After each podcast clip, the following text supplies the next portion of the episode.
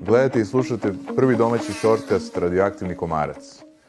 Ko hoće da me podrži, može to da uradi putem Patreona i putem Paypala, linkovi su u opisu.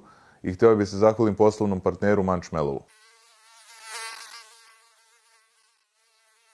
Priče koje ste volili na Facebook i Instagram stranici Radioaktivni komarac, nove interesantne priče, novi događaji, inspirativne priče, svašta možete saznati u ovim shortcastima. Pa da počnemo. Ovo je knjiga četiri godišnje doba koju je napisao Stephen King. Tu je pokazao da nije samo pisac horror priča. E, prva novela u njoj zove se Rita Hayworth i iskupljenje u Šošenku. Ima svega stotinjak strana. Zapamti rede, nada je dobra stvar, možda najbolja stvar, a dobre stvari nikada ne umiru. Inače, u noveli red je sredovečni beli irac sa crvenom kosom, ali ko može zamisliti ovaj film bez Freemanove naracije? Charlie Sheen je bio u opticaju, odnosno bio je oduševljen kada je pročitao scenariju i hteo je da uradi ulogu za minimum novca, međutim režiser je rekao ne. Sa druge strane, Tom Hanks je odbio ulogu Endija zbog Forrest Gumpa, pa je Tim Robbins dobio glavnu ulogu. Inače, režiseru je e, inspiracija za naraciju bio film Dobri momci, koji je gledao svake nedelje dok je trajalo snimanje filma. Nije delovalo da bi iz tako kratke novele mogao da nastane dugometražni filmski klasik. I po drugoj i trećoj noveli iz ove knjige su nastali filmovi Nadareni učenik i Ostani uz mene sa legendarnim Rivenom Phoenixom. Stand by me i čuvena pesma. Inače je King pisac čije su knjige najviše puta ekranizovane, čak 34 puta. Ali vratimo se na sam početak. Stephen King je već u startu bio blizu da odustane od svega. Naime, njegov prvi roman odbilo je čak 30 izdavačkih kuće rezigniran, bacio je rukopis u džubre, međutim njegova žena je izvukla iz smeća taj rukopis i terala ga je da nastavi dalje, da i dalje nudi izdavačkim kućama taj rukopis. I nakon ne znam koliko pokušaja, ipak su na kraju izdali taj roman i on se zove Kerry.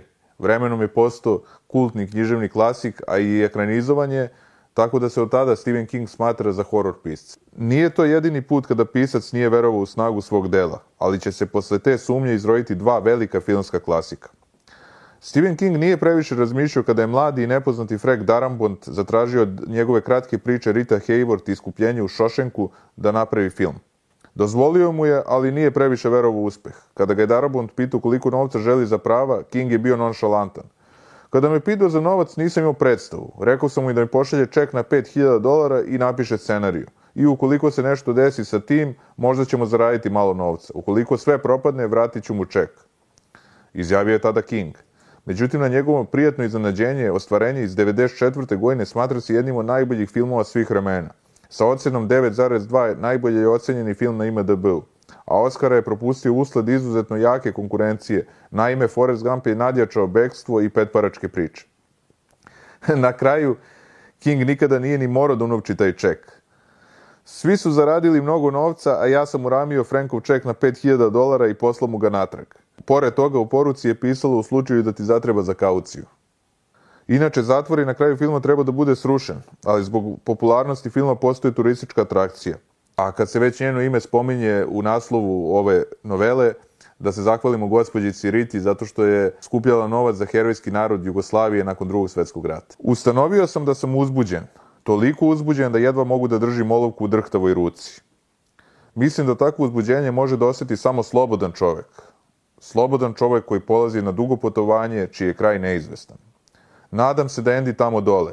Nadam se da ću uspeti da pređem granicu. Nadam se da ću se sresti s prijateljem i rukovati se sa njim. Nadam se da je tihi okean isto onoliko plav koliko je plav u mojim snovima. Nadam se. I tu nije bio kraj saradnje ove dvojice ljudi. Sljedeći Darabontov film po knjizi Stephena Kinga bio je Zelena milja. A iza tog dela se krije jedno najtužnijih priča svih vremena. Afroamerikanac George Stini Jr. bio je najmlađa osoba osuđena na smrt u 20. veku u Americi, tačnije u Južnoj Karolini. Imao je samo 14 godina kada je pogubljen na električnoj stolici 16. juna 1944. godine. Tokom suđenja, sve do dana kada je pogubljen, nosio je u rukama Bibliju tvrdeći da je nevin. Bio je optužen da je ubio dve devojčice, Belkinje, Betty i Mary, koje su imale 11 i 7 godina. Njihova tela su pronađena u plitkom jarku u blizini kuće u kojoj je George stanovo s roditeljima. Jedini posredan dokaz na suđenju bila je činjenica da je sa devojčicama pričao dan pre nego što su pronađene mrtve. U to vreme svi porotnici su, i na suđenju bili su belci. Suđenje je trajalo svega dva sata, a presuda je doneta za svega 10 minuta.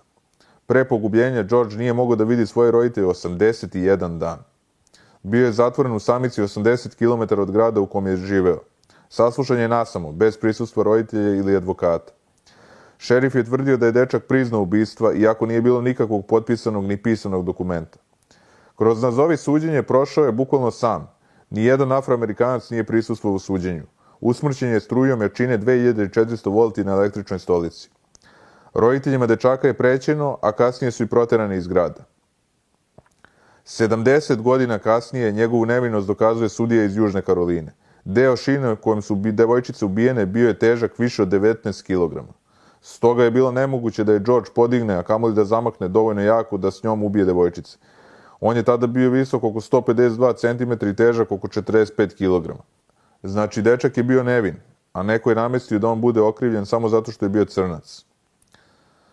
Stephen King je bio inspirasan njegovom tragičnom pričom kada je pisao Zelenu milju, koja je ekranizowana 1999. godine. Njegova priča ispričana je u filmovima The Current, The Story of George Steeny Jr., 83 Days i The Execution of George Steeny. Kako bi što uverljivije odigrao ulogu za emotivne scene u filmu Zelena milja, glavni glumac Michael Clark Duncan bi se prisjetio kako ga je otac napustio kao dete. Umoran sam šefe. Umoran sam od putovanja. Usamljen kao vrabac na kiši. Umoran sam od usamljenosti. Nemam koga da pitam odakle dolazimo, gde mi to idemo i zašto. A najviše sam umoran od ljudi koji se ponašaju ružno jedni prema drugima. Inače, Bekstvo iz Šošenka i Zelena milja su prva dva ekranizovana dela Stevena Kinga koje su bila nominovana za Oscar. Hvala vam na gledanju, do sljedećeg viđenja, svako dobro.